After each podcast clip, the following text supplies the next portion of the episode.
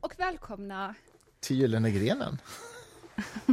Och skål. Skål Sturmark. Vi börjar med det direkt tycker jag. Varför kallar, alltså. varför kallar du mig aldrig för larm när jag säger Sturmark hela Larm. tiden? Jag vill inte larma runt så mycket. Sluta. Skål. Skål. Champagne och lördag är det faktiskt idag. Vi brukar spela in på fredagar men denna gång gör vi det Mm. på lördag. Vi publicerar vid midnatt. Så är det. För Här är att, livet. precis, för att vi var ju på och såg Oppenheimer igår. Och Yes. efter det var vi bara inte kapabla till att spela in någonting, för då var vi tvungna att... Ja, Eh. samla oss lite. Ja, precis. Det, ja, men det, var ju, ja, det finns mycket att säga om den filmen, men du, du, vill, du vill prata om musiken, eller hur?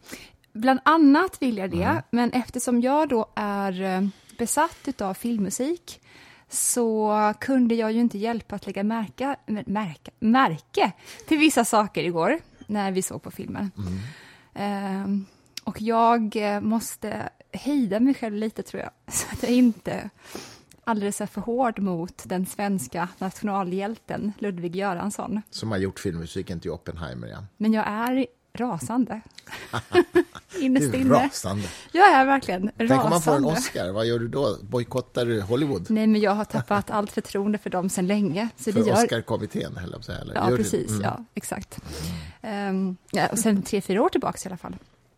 Plus att varför ska de hålla på och rösta om filmmusik? De begriper inte sånt. De borde ha, de borde ha eh, musiker bara som får rösta För om just det, ja. Och sen kan de få rösta om filmerna. Ja, det är intressant och, idé. och, och eh, de som är filmfotografer, för de begriper ju verkligen hur man ska synkronisera eh, bild och ljud på Mm. ett eh, eh, mest effektfullt sätt. Nu ska jag i alla fall spela upp lite saker för er. Som, eh, och sen, ja, ni kommer själva förstå vad jag är ute efter och sen ska jag bara ha en liten utläggning om detta. Det Vi går ska, bra. vi ska nu börja med att lyssna på ett stycke från Oppenheimer. Ehm, Det heter Power Stays in the Shadows. För övrigt en jättefin monolog som eh, herr Oppenheimer själv håller i filmen, då han berättar om hur den sanna makten alltid stannar i skuggorna. För därför blir den alltid oupptäckt och kan fortsätta att verka, medan amatörerna ger sig ut i ljuset och söker uppmärksamhet. Mycket snyggt manus. I alla fall, medan då den här fantastiska monologen läses upp så spelas den här musiken skriven av Ludvig Göransson.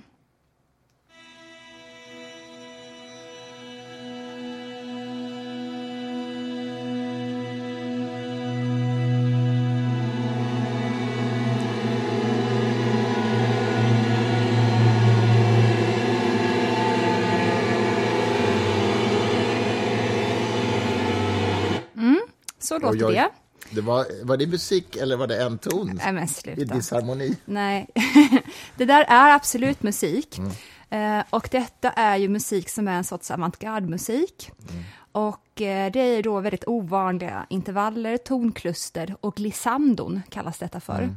Och den som var då mästare på detta var en kompositör som heter Penderecki. Eh, Penderecki gjorde musik som var med i både The Shining och i Omen och ehm, vad är det mer? Ja, jag kommer inte på mer nu, det räcker sådär i alla fall. Eh, en av dem som i alla fall plockade upp den här avantgarde-pinnen efter Penderecki är min favoritfilmmusikkompositör som heter Johnny Greenwood. Och eh, Johnny Greenwood började som, eh, jag undrar om det var keyboardist eller basist, något utav det i alla fall, i Radiohead. Märkligt nog.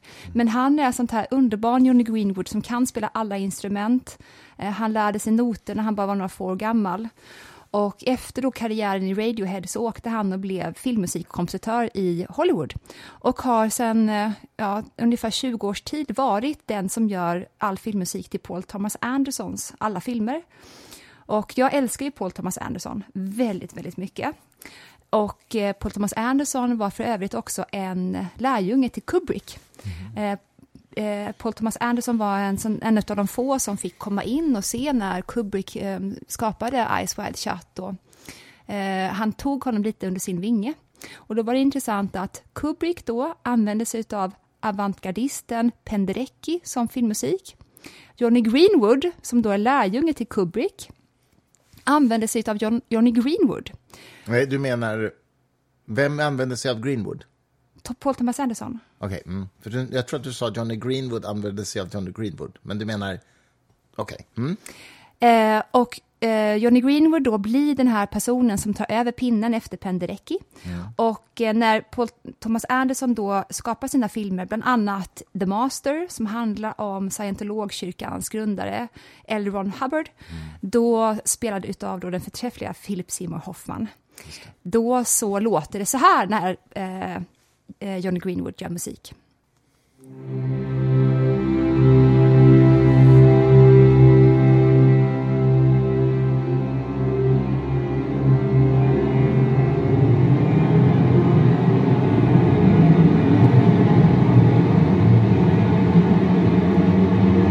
Det är alltså identiskt med Ludvig. Ja, det var väldigt likt. Det var väldigt likt. Och det är till och med i samma tonart.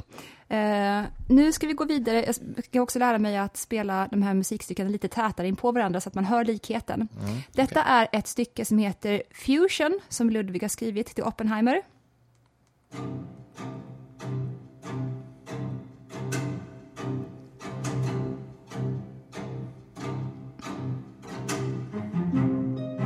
Mm, det var Ludvig.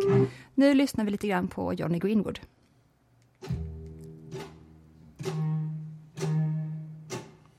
Det här är alltså bara en långsammare version av det som Ludvig gjorde, skriven 10-15 år tidigare.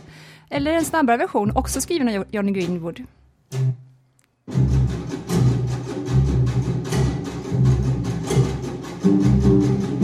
Det här är så bra. Så här gör man den här sortens musik bra.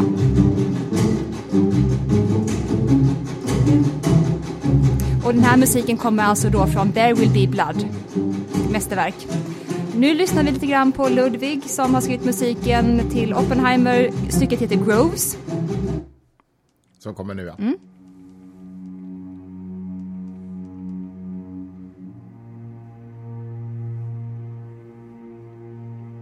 Sen fortsätter det så. Jag går över till Johnny Greenwood.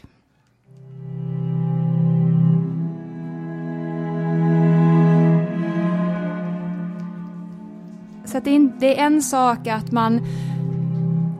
Jag är helt för det. Att man ger sig in på nya musikstilar som typ den avantgardistiska och försöker skapa någonting där inom den. Och visst, då kan man ju säga då att väldigt mycket av den musiken låter likt som det är redan. Till viss del stämmer det. Men eh, jag, detta är bara några exempel. Det finns alltså fem, sex stycken exempel som låter som att han har bara lyssnat på Johnny Greenwood och sen så har han bara ändrat om lite, lite här och där för att det ska låta som att Ja, för att det inte ska vara rent av plagiat, helt ja. enkelt. Ja, jag förstår. Nej, men det, gud vad intressant att det är så likt stilmässigt. Mm. Samtidigt är det ju, jag tänkte på det första stycket, eller två stycken när du spelade, det är ju liksom en ton, eller, eller, eller i alla fall en, ett ackord som rör sig mot någon slags disharmoni. Och det är ju i den meningen väldigt entonigt. Mm. Och det går ju kanske inte att göra på så många olika sätt. Så att säga. Nej, så gör det inte så då. Nej, precis. Han, gör, han tar hitta, samma hitta idé. På, hitta liksom. på något eget mm. då, han i så fall. samma idé. Mm. Det är inte svårare än så. Nej. Eh, Penderecki, jag ska bara ha en liten, liten kort utläggning till. Ja. Penderecki då som eh, gjorde mycket musik till Kubrick och som då var mästare på den här stilen. Det här är filmmusiken som användes till Shutter Island som Scorsese regisserade.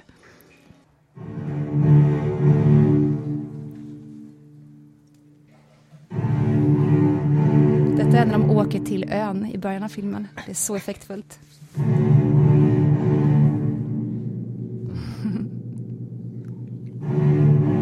Vem spelar huvudrollen? Eh, Leonardo Capricciosa. Ja, just, det. Capricciosa. just det, den är bra den. Skojar, jag vet vad han heter egentligen. Eh, detta är då Penderecki som används i The Shining, bara en kort stund till också. Det är så otäckt. Detta är alltså samma stil, så man kan ju faktiskt göra olika saker även inom den här stilen. Mm. Eh, den här listan som jag satt ihop och som vi tänker då ska bli en lista med musik som vi eh, spelar upp för er i podden, Mm. heter alltså Den gyllene grenen och den finns att hämta från mitt Spotify. Om ni vill lyssna vidare. Jag, må, jag måste också bara säga att För det är en öppen lista, eller vad kallas Ja. det? Offentlig, så den går att plocka hem. Ja. Precis. Och jag skulle vilja slå ett slag då för bra filmmusik. Och det är ju faktiskt eh, eh, Lorne Baffle, Balfe, Balfe stavar han det. Lone Balfe. Han har gjort filmmusiken till den senaste Mission Impossible-filmen. Och jag är så förvånad över hur bra, hur bra den är. Den är jätte, jättebra. Eh, Simmer hade blivit stolt. Eh, Simmer, som för övrigt ju Christopher Nolan jobbade med, eh, ända fram till att Simmer sa nej till att göra Tenet-filmen. För att då skulle han gå vidare och göra James Bond-filmen, eh, sista, och så skulle han göra Dune. Och då hann han inte med Nolan, så att det blev ett samtal mellan dem som inte eh, Nolan blev glad över. Och sen dess då eh, så har han använt sig av Ludvig Göransson istället. Detta Han är blev nog glad. Ludvig. Han blev säkert glad. Detta är alltså Ludvig och hans andra film. Men eh, jag, tillbaka till Oppenheimer, jag tycker att den här filmen var otrolig. Jag uppskattade den så mycket. Men jag tycker att, inte bara för att musiken plagierade någon annans verk, utan musiken var faktiskt dålig. Så dålig ibland så att jag tyckte att den förstörde scener som annars hade gett mig eh, luft under vingarna eller svung i magen och sådana känslor. Men där den bara störde. Jag eh, känner så. Alltså, ja, jag försöker... Jag har funderat på vad jag kände om Oppenheimer-filmen. Det är ju liksom en film som gör väldigt mycket intryck, så att säga, ändå. Den är ju väldigt... Den är ju liksom storartad på en stor duk. Man ska, ju, man ska ju se den på en stor duk, eller hur? Som vi gjorde. Vi såg ju den på en liksom stor biograf. Och det eh, ska man ju göra. Men jag kan också... Jag, är lite trögare på filmer än vad du är. Jag tycker det är komplicerat när de hoppar mellan olika tidsintervall och man inte riktigt förstår liksom, var är de nu i tiden och det kastas fram och tillbaka. Så här. Jag är lite dålig på det. Det där är du mycket bättre på. Du gillar ju det, sa, kommer jag ihåg att du sa direkt efteråt, att det, det är liksom en dramaturgisk effekt som du gillar, eller hur? Ja, jag tyckte den var symfonisk. Ja, jo, och det är den ju i någon mening. Det, det är bara det att om man är lite trög så hänger man inte med. Älskling, men du har bara en annan, du har ett annat öga och du är ju också ansiktsblind så att Ja, det gör inte saken bättre. det hände i början när vi blev tillsammans, vi låg och kollade på film tillsammans, då kunde du säga mot slutet av filmen, vem är det? Och då var det huvudrollskaraktären. Jag bara, Ja, jag är inte jättebra på ansiktet. jätteroligt. Jag är så glad att Erik Helmersson skrev i DN någon gång i somras om att Almedalen är ett helvete för ansiktsblinda. Så jag han skrev, eh, för han är det också. Ja. Och, att man liksom, och, och människor tror att man är arrogant och dryg för att man inte känner igen dem. Och det är ju inte det det handlar om. Liksom. Nej. Eh, så att, åh, mm, ja, det var en jag, parentes. Men, jag måste prata mer om Oppenheimer. ja, jag med, för jag har massa att säga om, om, Eh, om den. jag var på väg att glömma det här nu. Det absurda är ju att ehm, Ludvig Göransson då som har gjort väldigt, väldigt bra musik till Rihanna och han gjorde jättebra filmmusik tycker jag till Black Panther. Rihanna, vadå? Han har skrivit låtar till henne. Jaså, Mhm. poplåtar? Ja. Jaha, okej. Eh, att någon då har bett honom, eller så har han själv kommit på idén att han ska liksom bli avantgardist och så ska han lyssna jättemycket på Johnny Greenwood när han gör musiken till den här filmen. Det kan inte samtidigt vara en slump att väldigt mycket av Oppenheimer stilmässigt och tonmässigt påminner jättemycket om Paul Thomas Anderson. För att om man ser Phantom Thread eller om man ser även Inherent Wise till och med, konstigt nog, eh, hela den stilen som Paul Thomas Anderson alltid har filmat i, är jätte, jätte närvarande i Oppenheimer. Det finns en scen i, när han sitter i ett juryrum och eh, huvud, alltså Oppenheimer och hans fru sitter bakom och då får man liksom se vad hans fru skräckfantiserar om eh, under tiden som han förhörs och då så har hon så här skräckfantasier om att han är otrogen, vilket han var. Men då får vi se hur det ser ut när han är det. Och det är ett eh, stilmässigt grepp som Nolan hittills aldrig har tagit, Nej. men som verkligen Paul Thomas Anderson har varit konsekvent med att använda sig av. Så du menar att Nolan var inspirerad av Anderson? Kanske. Han, kan in, han är så pass mycket, jag menar, han är väl bland de mest filmkunniga människorna i hela världen, han måste ju veta vad han gör när han använder sig av den sortens grepp. Ja. Det var så mycket, även från The Master, det var så mycket som påminde om, hur säger man, PTS på Thomas Anderson? Nej, PT, ja skitsamma. Du, kan du inte berätta lite om, om Nolan? För jag vet ju att det är en av dina absoluta fa- favoritregissörer. Och han både skriver manus och regisserar, eller hur? I det här fallet har han gjort det, men annars har han samarbetat med sin bror, bror eh, Jonah, tror jag han heter, Nolan. Eh, Jonathan kanske, kanske. Ehm, men i det här fallet har han skrivit själv då. Och han är känd för Tenet och innan dess, berätta. Bat- Batman-filmerna, Batman-film. Momentum, In- Inception. Insomnia till exempel Inception. också. Inception, Interstellar. Interstellar också. Ja, Det är ja. Nolan. Ja, visst, så han är ju det här underbarnet från England som eh, gick på Catholic eh, boarding school medan hans bror, som nästan är jämngammal med honom, växte upp i USA samtidigt. Och föräldrarna var inte separerade, det var bara det att de bodde halva tiden i USA och andra halvan i England. Mm. Hon var flygvärdinna, mamman, så att de liksom flyttade sinsemellan. Mm. Så att när man ser dem i intervjuer, bröderna, då pratar den andra jätteamerikanska och den andra pratar super-Oxford-engelska. Det, det, är lite roligt. Det är faktiskt lite roligt. Men han bestämde sig tidigt då för att Christopher Nolan, alltså att bli regissör. Och eh, när han då gick på eh, filmskola i London, då såg han en av mina favoritfilmer, vilket är Heat. Mm. Och blev besatt och frälst. Mm. Där blev hans öde beseglat. Och eh, det finns flera stycken små detaljer i filmer där han hyllar hit på olika sätt. Bland annat så börjar ju andra Batman-filmen med ett bankrån på exakt samma sätt som Heat börjar. Mm. Och eh, en av huvudrollskaraktärerna från Heat använder han till sin Batman-film som en mm. liten blinkning. Att han spelar samma roll även i Batman-filmen. Är Nolan, tycker du, liksom den bästa filmregissören idag? Är han nummer ett på din lista? Nej, det är Paul Thomas Anderson. Mm. Tycker jag, idag. Och sen Nolan, okay. ja. Men Nolan har ju för en sån som är lite filmtrög som jag då, så är han ju knepig för att han jobbar ju, han gillar ju att jobba med olika tidsintervaller och liksom märkliga, och, och i Tenet så är det till och med så att tiden går baklänges. Det är ju en slags science fiction-historia. Ja, precis. Eh, alltså han, han gillar att krångla med time, med tiden, som precis. koncept. Han har ju de här fixeringarna. Det ena är då att han ska eh, fucka med vår uppfattning om vad som är bestämda lagar, ja. eh, rumsbundet eller tidsbundet och sådär. Och den andra besattheten som man har, det är ju att man inte ska vara, vara rädd. Det som mm. jag har hållit på att tjata om också tidigare i podden. Mm. Eh, det är ett konstant tema hur han försöker undervisa alla som ser på hans filmer att man inte får ge vika för rädsla. Inom sig själv då.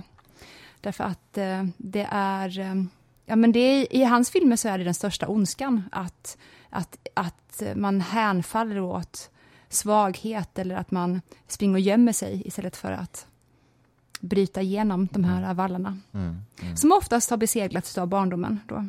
Det är också ett tema i hans filmer. Nej, men alltså det, jag, jag, tyckte ju, jag tyckte att det var en otroligt sevärd film. Jag hade svårt som sagt att hänga med i tidshoppen lite grann.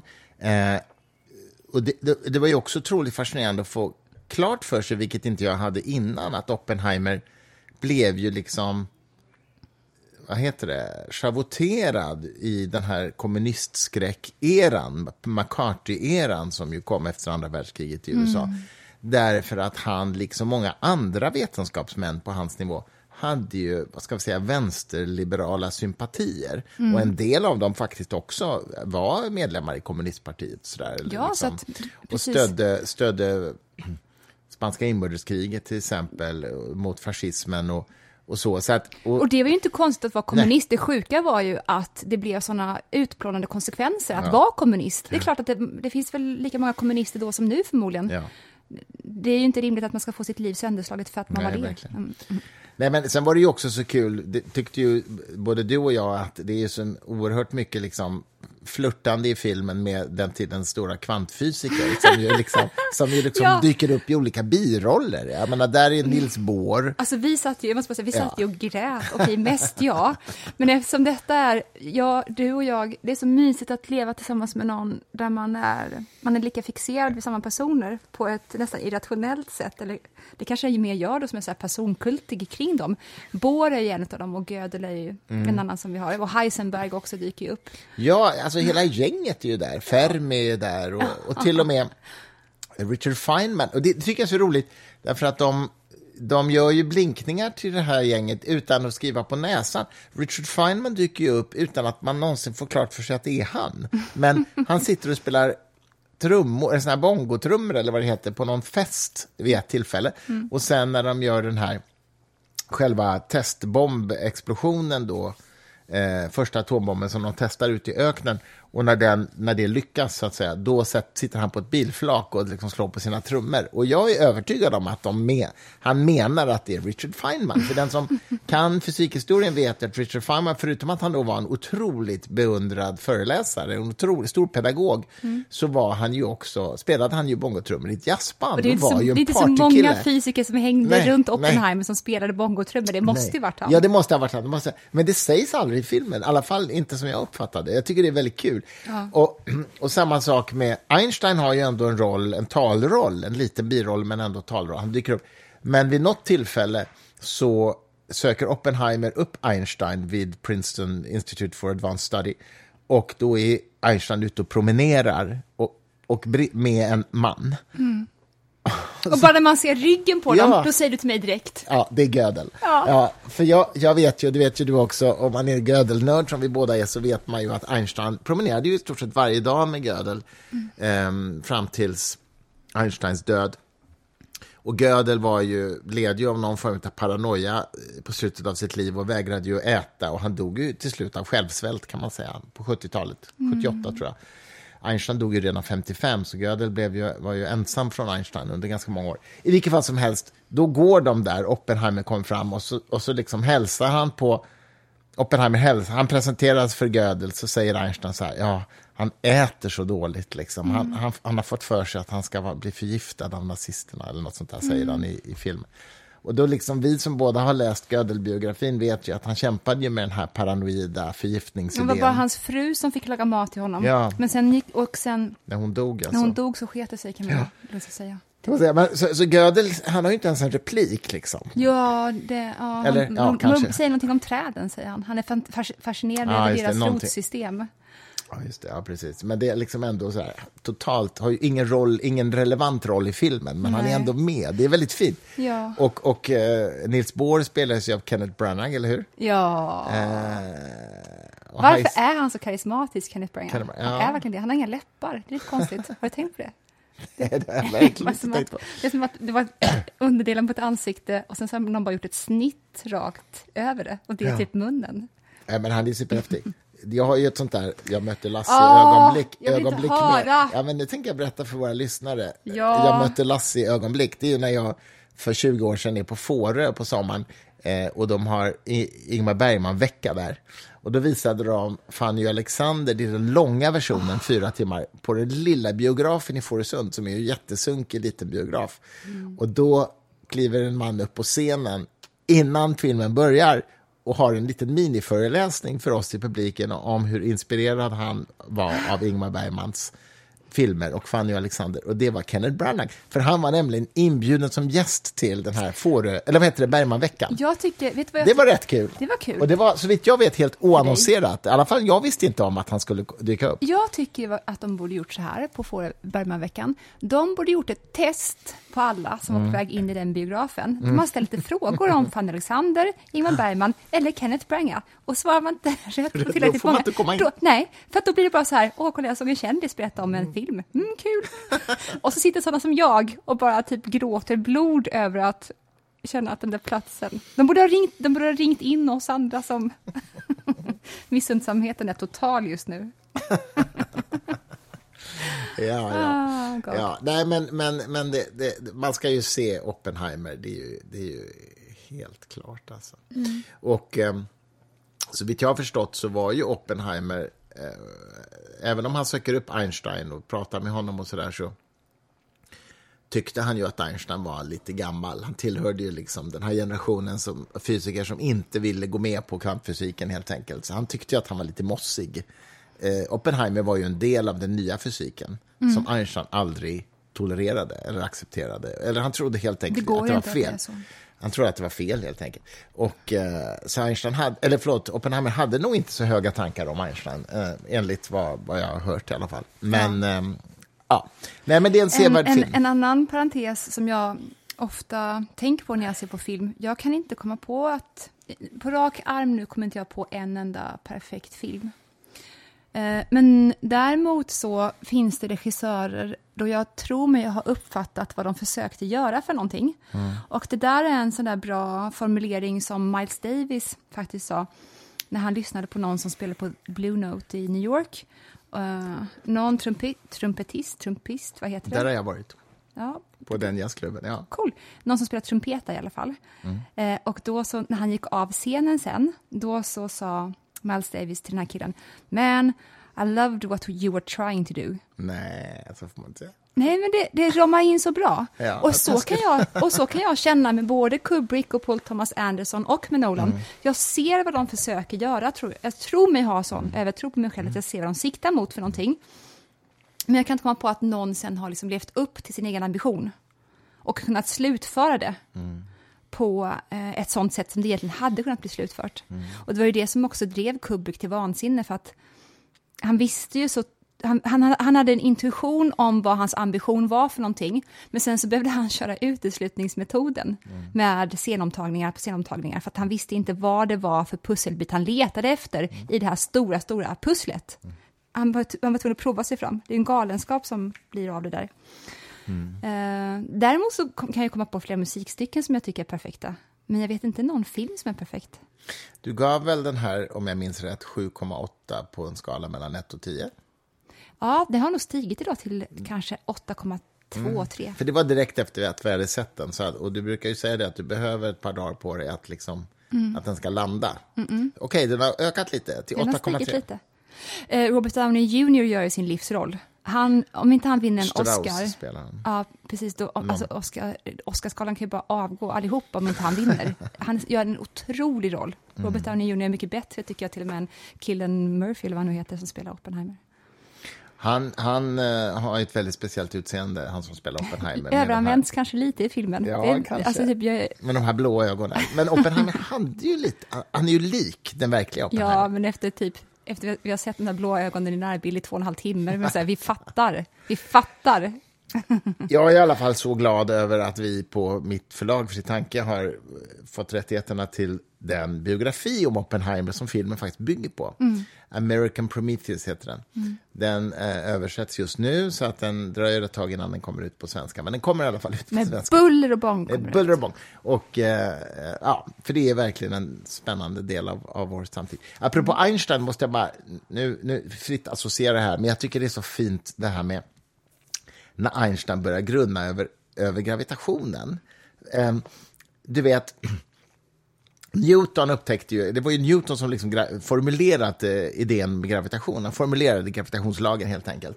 Men Newton eh, hade ju stora problem med att det är ju någonting, det är ju någonting in- orimligt med att två kroppar som är väldigt långt ifrån varandra, till exempel solen och månen, eller jorden och månen.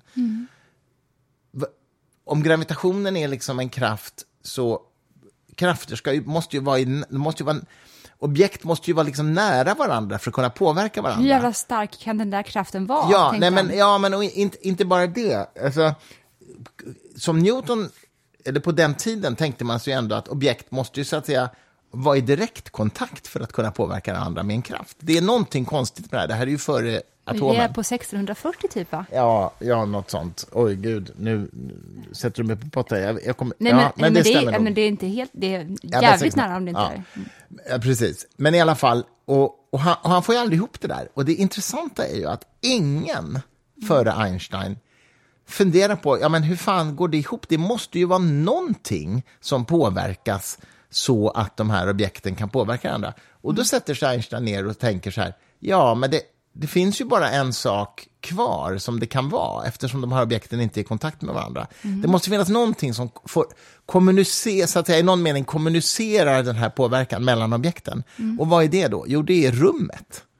Och det är ju den insikten som Einstein har. Och det är då han formulerar sin relativitetsteori, där han, där han så att säga inser att det är så att ett objekt som har massa kröker rummet. Så att månen så att säga rullar runt jorden därför att jorden kröker så att säga rummet så att månen rullar mot jorden hela tiden. Förstår du vad jag menar? vet. Alltså det, här, det är svårt att säga det här i en podd, men det finns ju visualiserat ganska snyggt på en datorskärm. Att om du tänker dig rummet som någon slags plan och då ligger jorden där och, och, och gör att det liksom sjunker ner så Mm. att månen rullar mot den här mitten. Men Mm. eftersom månen har en viss hastighet också så rullar den aldrig ner på jorden, så att säga. Mm. Men den rullar i det krökta rummet. Samtidigt som då jorden eh, rullar runt solen på Mm. samma sätt. Men, men det som är så genialiskt, tycker jag, det är att Einstein liksom tänker så här, ja men vi kan inte nöja oss med att det här är någon spöklik kraft på avstånd, för det, finns ju, det, det måste ju förmedlas av någonting. Ja. det måste vara rummet Ja. som förmedlar, så att säga. Alltså, jättebra. Det, men visst är det, det är Ja, ganska verkligen. eh, vackert om man, ser, om man visualiserar det på det sättet. Men visst är det så att läroböckerna i skolan idag kallar fortfarande gravitation för kraft? Ja, och det är ju egentligen ingen kraft. Det är ingen kraft nej, alls. Nej, nej, nej, det är ingen Nej, kraft. det är bara en krökning krökning av rummet. Ja. Visst. Så att, ja. Sen kan man ju då säga så här, ja, men det är en, kra- kraftmetaforen gör det ändå... Den fungerar pedagogiskt, men den är felaktig. Men precis som atommetaforen också är felaktig. Mm. Med elektroder, elektroner som cirklar runt en atomkärna. Det är inte heller en riktig bild av verkligheten som vi Mm. har pratat om, pratat om många gånger i den här podden. Men det är en fungerande metafor och, och kraftmetaforen är väl en fungerande metafor för gravitationen också. Men nej, det är ingen kraft. Jag känner att jag vill hoppa ner i gödelhålet igen med dig. Nej, att vi ska lyssna mer på Youtube och prata med om honom. Jag saknar verkligen den stämningen när vi är där. Saknar du Gödel? Ja, det gör jag. Och det, jag menar, vad tror du? Eh, Kan inte du vara min terapeut en stund nu? Okej. Shoot, Om jag får lite mer champagne. Ja, jag får Du kan, du kan ta en klunk av mig. Jag kan hämta också. Ja, berätta. Jag älskar tanken på att du skulle vara terapeut och att du därmed skulle bli freudian, för då skulle du kunna sitta bakom och dricka i lugn och ro. Då skulle ingen se dig. Mm, det är bra. Jag älskar också för övrigt att eh, Freud som var superateist, som du också är ju, att han liksom intog den här gudslika närvaron i rummet av den osynliga fadern, den som aldrig syntes för den som gick i terapi, för man låg ju på den här soffan då. Ja. Och Freud eh, ville ju verkligen att alla de som eh, utförde psykoanalys skulle vara osynliga i rummet. Man skulle bara sitta bakom och vara en röst. Den, den frånvarande ljuden. Men du, vad tror, ja, det är intressant onekligen. Men vad tror du det beror på? Vad, vad, vad är det för mekanism som gör att både Freud och Jung och många andra skulle man kunna ta som exempel, oavsett hur rätt eller fel de hade i sina grunduppfattningar, ändå bildar eh, skolor som nästan blir sektlika. Alltså, Freud, Freudian, freudianerna, alltså inte alla såklart, Åh, men en Gud. del blir ju besatta. Och även Jung. Alltså det finns, förstår du vad jag är ute efter? Det ja. finns någon slags sektpsykologi runt de här figurerna. Mm. Som, alltså, som Wittgenstein också. Oh ja. Eh, och det är Vad är det, ju, liksom? Ja, men det, är precis, det är ju en mänsklig egenskap att eh, söka efter frälsaren.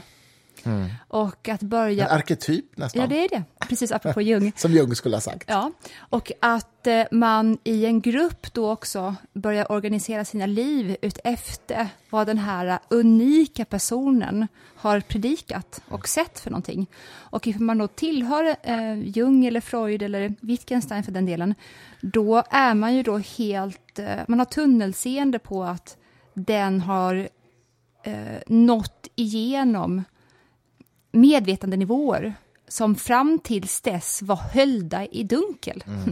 Och att det eventuellt bara kommer en sån här upplyst person var 2000 år ungefär. Det har, jag, det har jag hört sägas om både Freud och Jung. Men det finns ju en Då var väldigt... lite de lite för tätt in på varandra kan man säga. Någon har fel. Någon har fel, exakt. Nej, men det finns ju en väldigt viktig skillnad mellan Freud och Jung. Och den ena var ju dogmatiker och intressant nog var ju det ateisten som var det. Freud. Mm, Ja. mm, det var och att han till och med var explicit med Freud med att säga att det här med sexualteorin är en dogm. Han använder alltså det här religiösa uttrycket och en dogm är ju då att det finns vissa saker som aldrig får ifrågasättas. Och i Freuds fall då var det sexualteorin. Och det är intressant då att han då ska vara vetenskapsman och säga att det här, vad ni än, vad ni än gör, det här är liksom grundbulten i min vetenskap. Och den som krafsar krafsar på den skiten åker ut. Medan Jung å andra sidan, som inte var ateist, han var Mm. inte teist heller. Det här är en lång diskussion som vi ska gå vidare med, för jag har tänkt nya saker. För att jag, vi har helt landat i att jag inte är en teist, Mm. eller hur? Däremot har jag sökt vidare idag på ateistbegreppet, och det är jag inte hemma i överhuvudtaget, kan jag säga. Mm. okej, spännande. Ja, men det, kan vi, det kan vi diskutera. Ja. Du är inte teist och du är inte artist. Det är intressant. Jag är verkligen inte något utav de där Vi två. ska utforska rummet däremellan. Ja, det ska vi. Det ska vi. Men jag måste bara slutföra det här med Jung. Ehm, han då som verkligen inte vill vara dogmatisk och han vill inte att det ska bildas några institutioner i hans namn. Alltså Jungianska institutet i Zürich var ju han jätteemot. Han ville inte ha det. Och när de ändå grundar det utan att han godkänner det, då säger han ju offentligt flera gånger Jung att Ehm, ja, men tack och lov är jag åtminstone inte en jungian. Eftersom flera då kallar sig för jungianer. Ja. Han var ju den som mer än någon annan i modern tid slogs för att människor måste indi- individualiseras, gå sin egen väg. Mm. Och att stöpas i någon sån här form som då instituten erbjöd att bli en jungian, det var något som man var helt emot. Ja, intressant. Alltså, eh, någonting jag förknippar med Freud är ju den här... Det här är naturligtvis en förenkling, det fattar jag också, men ändå den säger någonting. Och det är liksom att han hade en attityd gentemot sina patienter som var så här att om han säger att den här idén du har eller neurosen du har, den beror på det här som hände. Om patienten säger så här, ja, ja det, det ligger någonting verkligen i det, då bekräftar det. Men om patienten säger nej, absolut inte, det har inte med det att göra, då är det en försvarsmekanism och då bekräftar det också att Freud hade rätt. Det finns en slags konstruktion i det där som gör att Freud kan aldrig ha fel. Så att säga. Det är, oavsett hur du reagerar på ett påstående eller en analys så bekräftar det grundhypotesen. Och det är naturligtvis extremt ovetenskapligt. Jag tror att det är en förenkling. Jo, det, men det, det tror jag också. Och jag tror att den men, orä- orätt- jag- man måste vara, för, prata i förenklingar och Ja, jag. Mm. generaliseringar, men jag tror att den är orättvis i alla fall. Eh, framför allt eftersom när så mycket av, jag är inte freudian som alla vet, jag är jungian, men så mycket utav Freuds analys gick ut på att han inte skulle ge någon feedback alls. Det var ju Mm. det som var grejen. Det går ju ut på att du ska ligga på den här soffan tre till fyra gånger i veckan och prata fritt utan att någon interferer, interferer vad heter det? Utan att någon stör. Interfere, ja. Så att du ja. skulle, ifall du går till en freudian som säger Ja, men det där är för, för att du har ett eh, förtryckt eh, barn, det handlar om det. Då är det en falsk freudian. Okej, mm. Met- metoden såg inte ut så i alla fall. Sen kanske Nej. de snackade skit med varandra i, eh, om sina patienter och sa sådana saker förvisso, men Ja, och sen Men kanske men- också moderna så kallade freudianer, kanske fel, inte vet jag, misstolkar eller i alla fall. Jag har ju, jag har ju vänner och bekanta som har gått i freudiansk analys, alltså nu i modern tid. Mm. Och där det har varit på det sättet ganska mycket. Att jag, har- jag, har- jag har kommit till insikt om att det här beror på det här och det har liksom terapeuten. Här. Men, men jag, jag förstår att det jag kan har inte vara... så stark tilltro till svenska Nej. akademiker inom psykologi överlag kanske. Ja, Du har inte? Nej. Nej, nej, nej men, nej, men så, så, det kan ju naturligtvis vara en eh, så att säga, feltolkning eller miss, inte vet jag, men jag tror att det används på det sättet lite väl mycket i alla fall. Ja, och då är då den här eviga frågan, hur mycket ska man liksom lasta Ja. Freud för det? Nej. Han som satt där tyst med sin show-show. Jag hund. växte ju upp med, med människor i min närhet som, som var starkt freudianskt präglade, inte i min familj, men i vänner. Och eh, jag, jag, jag kommer ihåg att jag haft de här diskussionerna sedan jag var tonåring, så att säga, om, om detta. Och, och, men som sagt, ja, det var deras tolkning. Ehm, Men du, apropå den här sekttendensen, det är ju fascinerande att den verkar vara universell, så att säga. Att den- uppstår kring Freud och Jung, men den uppstår också kring en filosof som Wittgenstein, som vi sa. Eh, Och den kan också uppstå kring vetenskapsmän och kvinnor, tror jag. Ja, alltså, man ja, ja. liksom höjer upp, så att säga, över rimlighetsnivå, så att Mm. säga. Så det, det har egentligen inte att göra med själva läran. Den kan vara bra eller dålig, men det finns en, en längtan efter en upphöjelse. det finns en projektion Ja, i det här.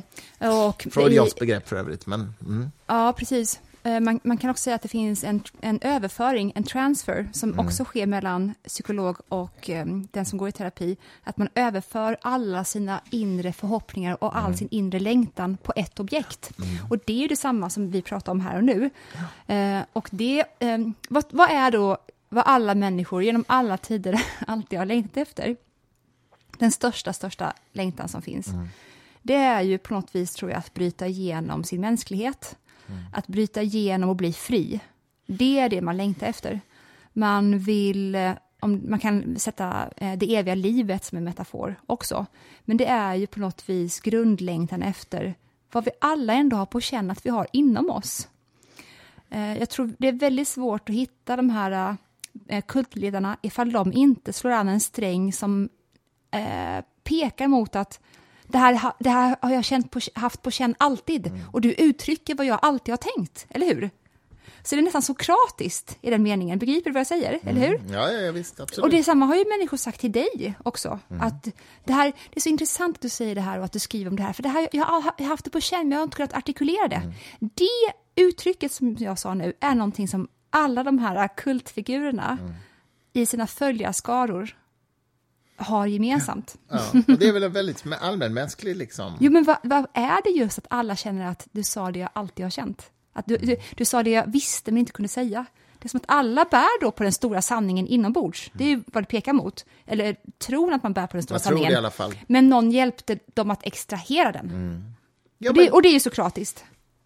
Precis. Sokrat, den sokratiska metoden handlar ju om att ställa frågor så att personen själv kommer till insikt om en slutsats. Mm, för att vi har det redan, vi har den där inne någonstans. Sokrates kallade ju det här för att, eller i alla fall det grekiska begreppet som jag inte kommer ihåg vad det heter på grekiska, det är ju för, att det är en förlossning av idéer som Sokrates hämtade från sin mor som ju var Just det. ba, vad heter det, barnmorska, Ja. eller motsvarighet på den tiden i alla fall. Ja. Och Michelangelo gjorde sin parafras på det genom att säga att skulpturen finns redan i stenblocket. Exakt, ja just det. Och, just det, precis. Och det är ju en slags platonsk idé om att idén Nej, finns där. nej Sok- Sokrates ju. Ja, men det är också en platonsk idé om att idévärlden är den rena, idén finns och, och den kan Mm. shapas fram ur stenblocket. Men, mm, ja, Fast, okej. ja, fast då är det, det är två separata världar enligt Platon. Det är ju en dualism som Platon står för, Ja, som, Platon- som inte Sokrates stod för. Nej, just det. Men Platon tänker ändå att, ja just det, därför att det är ju inte, det är inte själva idén som får fram, men det är en bild av idén. Man, att, att, idén kan ju manifestera, approximeras och manifesteras i ett objekt. Men det, kan, det kommer aldrig vara själva idén, för det, det tillhör den Ja, det är transcendenta. Platon. Precis. Ja, precis. Ja, det är det verkligen. Eh, ja, men det är fascinerande. Och det är även när jag tänker på, du nämnde Hoffman som spelade L. Ron Hubbard, uh, scientologi. Jag var ju med min son med Leo och såg eh, Mission Impossible häromdagen, som faktiskt är väldigt rolig och sevärd. Apropå vad allt går runt Alltså, tre, så, tre, så bra. Ja, tre timmar lång och eh, eh, man har inte tråkigt en sekund alltså. Mm. Eh, Tom Cruise spelar ju huvudrollen där. Perfekt för alla med kort uppmärksamhetsspann. Sa- Ja, verkligen, precis.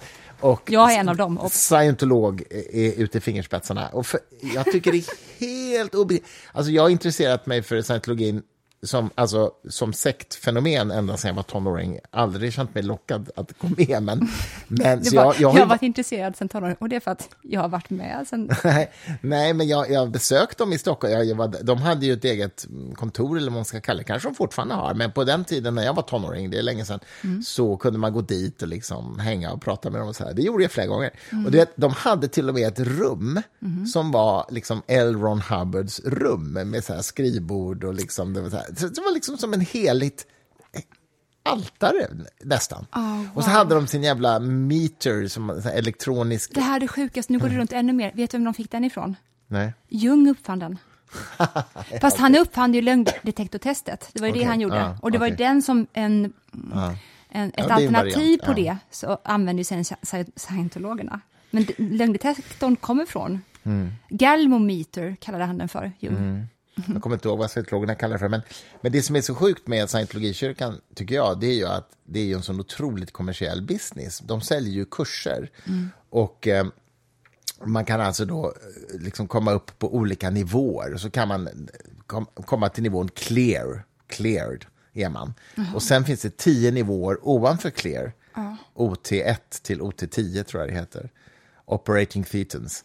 Och då får man lära sig liksom den verkliga berättelsen om, om universum som är, handlar om att all, a- a- allt som gör att människor mår dåligt och psykisk ohälsa och sådär, det beror ju på att det fanns en intergalaktisk härskare för, inte vet jag, 70 miljoner år sedan.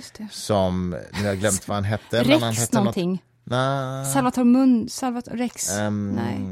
Ah, Strunt samma. I alla fall, och han skickar ner en slags andeväsen till jorden som kallas för thetans, tit- tit- titaner, titaner. Mm. med THE tror jag stavas. Och det är liksom de, de finns bland oss och det är de som orsakar liksom vår psykiska ohälsa. Och sådär. Scientologerna är ju väldigt mycket emot psykiatrins, Ja. alltså medicinsk behandling och sådär. Ja. Eh, men alltså, det är rena rama science här- fiction-smörjan, kort sagt. Vet du vad det också är? Nej. Det låter extremt mycket som gnostikerna. Som, Gnostikerna, 1100-talet, Säkert också, också kallade katarer i Sydfrankrike. Mhm. De trodde ju också att det fanns en, ja men det var ju det som var ondskan och djävulen, som hade levt långt, långt innan men det var också, de trodde också, katarerna, eller gnostikerna, att det var den ondskan som hade skapat all materia. Mm. Så att all materia, som vi då även ingår i, är ett resultat av ondo, och att världen är av ondo, och att döden är det slutgiltiga befriandet mm. från att gå runt i det här helvetet. Så därför hade de inte så problem med överhet och sånt. De bara, mm. visst, bränn ihjäl oss, we don't care.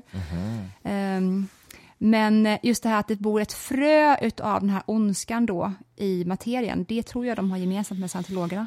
Ja, men säkerligen. Men, men det som är så bisarrt är ju att L. Ron Hubbard började ju som en ganska medioker science fiction-författare, skrev ju ett antal dåliga science fiction-böcker. Jag som var science fiction-nörd under hela min uppväxt, jag läste, jag kommer inte ihåg, jag fastnade aldrig för hans science fiction-böcker, för de var mm. dåliga. Mm. Det fanns bra science fiction, och det gör fortfarande, men det där var liksom B, verkligen B, C-laget. Mm. Och sen kommer han då på den geniala idén att nej, men vi startar, jag startar en religion istället med ungefär samma science fiction-idéer och så gör det lite hemligt och sådär. Det tycker jag är rätt eh, fascinerande. Alltså.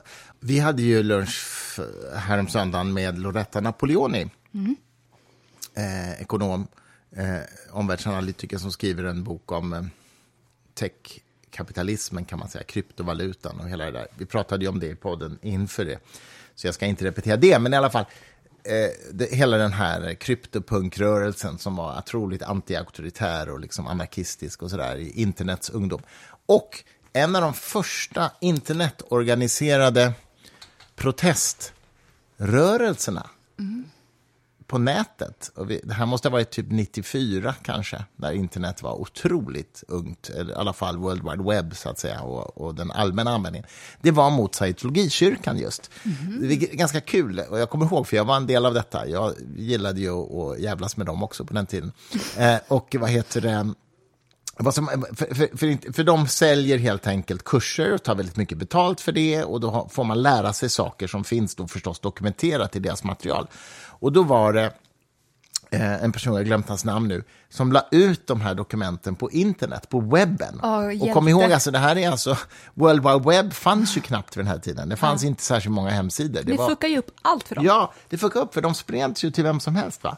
Och Eh, som jag minns det här i alla fall, jag vill inte supergranska för jag kommer inte ihåg alla detaljer, men det var ju att F de anmälde ju det här, alltså scientologerna anmälde det här som copyrightbrott. Och det var det rent juridiskt, för de hade ju copyrighten på sina dokument. Mm. Så att det var ett lagerbrott att sprida, ungefär på samma sätt som att om vi ger ut en bok så får inte någon lägga ut en pdf en gratis på eh, den boken gratis på nätet. Det är ju också ett copyrightbrott. Mm. Så att Polisen i USA började ju jaga de här dator, den här datakillen som hade lagt ut de här, för han ville beslagta, de ville beslagta datorerna för att han inte skulle få, de skulle inte bryta mot copyrighten. Mm. Och då aktiverades ju internetanarkisterna, varav jag var en då. Mm. Så att vi spred ju de här dokumenten på så många servrar som möjligt på mm. nätet, så att polisen helt enkelt inte, det hjälper inte att de beslagtar datorer, för att det bara spreds till fler och fler och fler. Underbart. Som en slags protestgrej. Det är ganska kul alltså.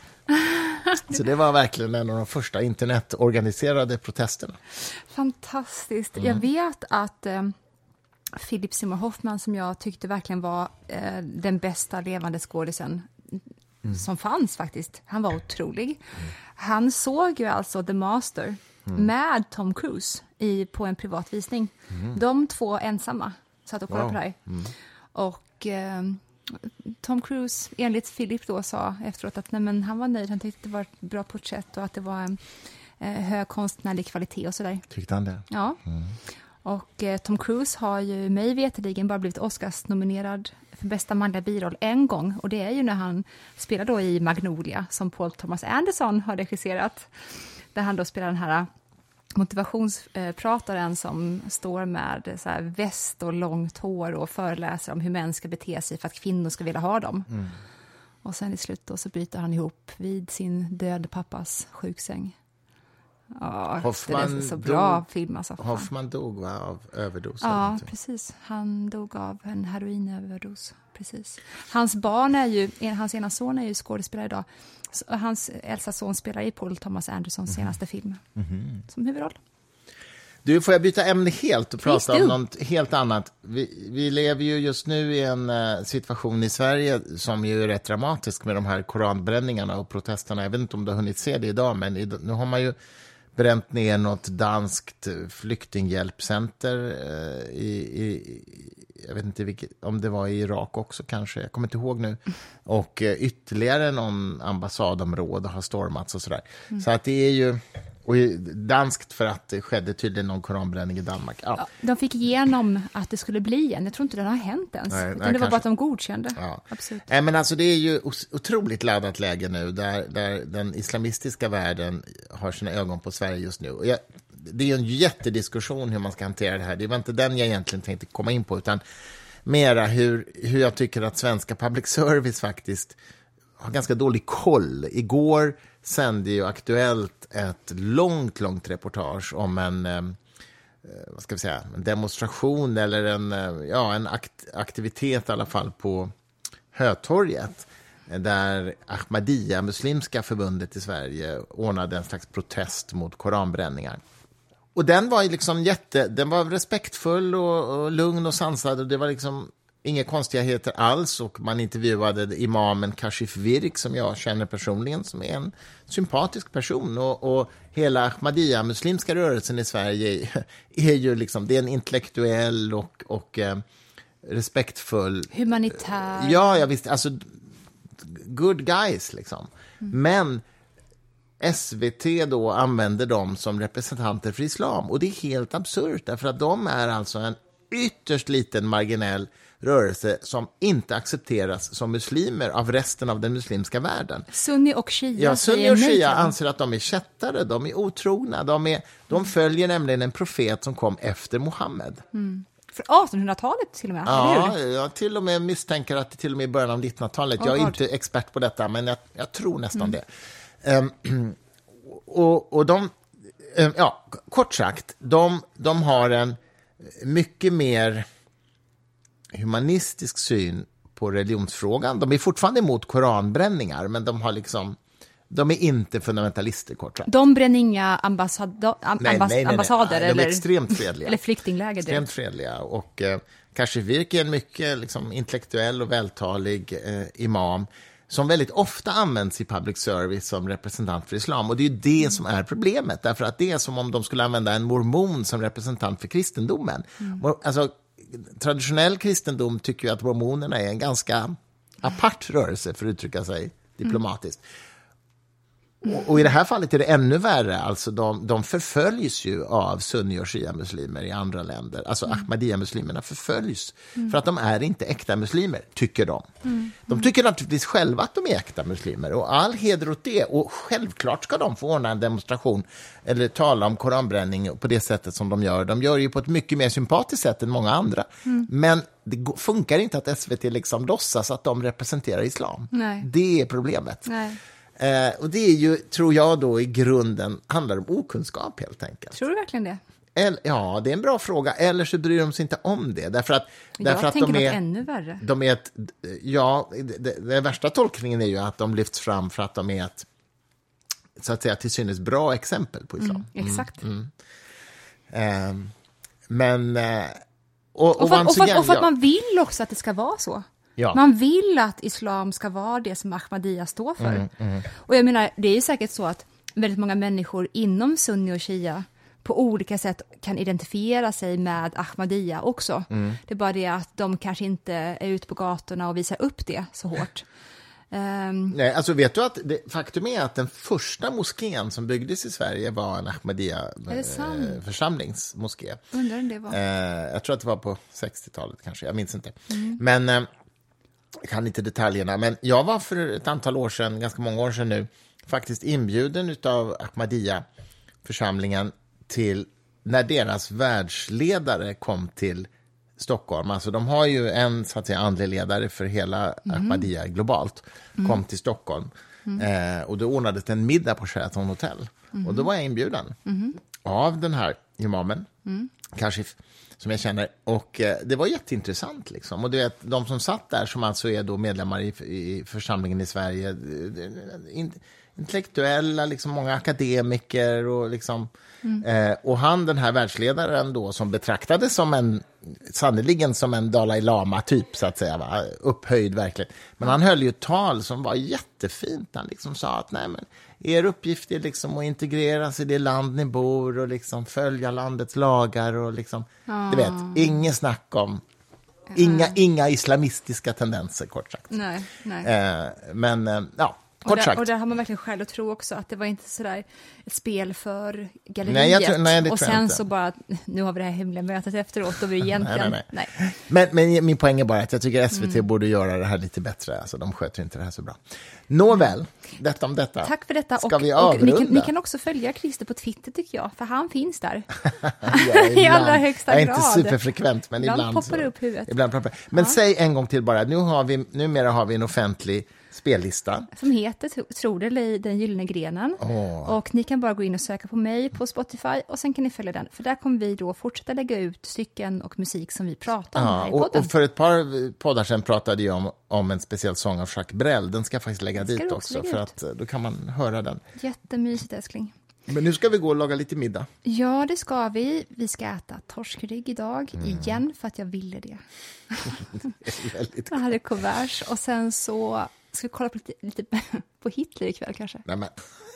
Ja, det är faktiskt en bra serie dokumentär om Hitlers maktövertagande Obs, på det SVT. är inte så att vi har ett porträtt här hemma, hängande på det väggen, vi där vi står och tittar Men på det är en Hitler. Mm. välgjord historiedokumentär om Hitlers maktövertagande. Ja. Som är faktiskt Den- jättefascinerande.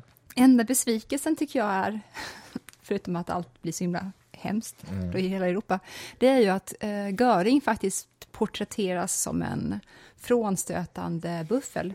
Jag tror att han var en, jag tror att han fick så mycket kvinnor av en anledning. Jag tror han var jättekarismatisk.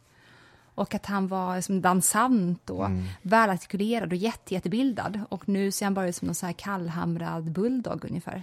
Och vad jag inte visste var ju att han Röhm, chefen för SA, de här våldsamma paramilitära grenarna, han var ju öppet utlevande homosexuell. Ja. I, i, en tid när nazisterna faktiskt tyckte att det var inte okej.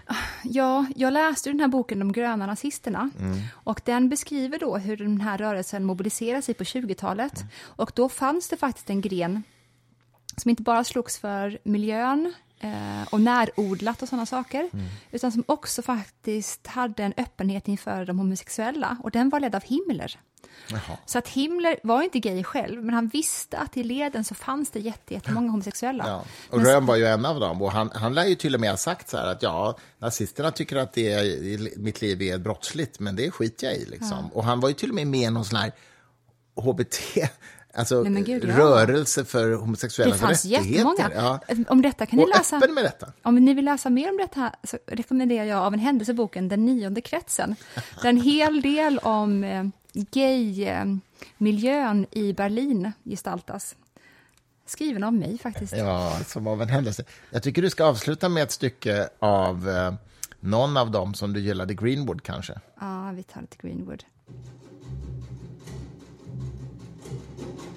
Det här är maffigt. Visst är det bra? Johnny Greenwood. Sök på honom. Man, man blir inte så jätteharmonisk och avslappnad av det här. Nej, man blir energisk och Ja, liv, livskraftig. Lyssna.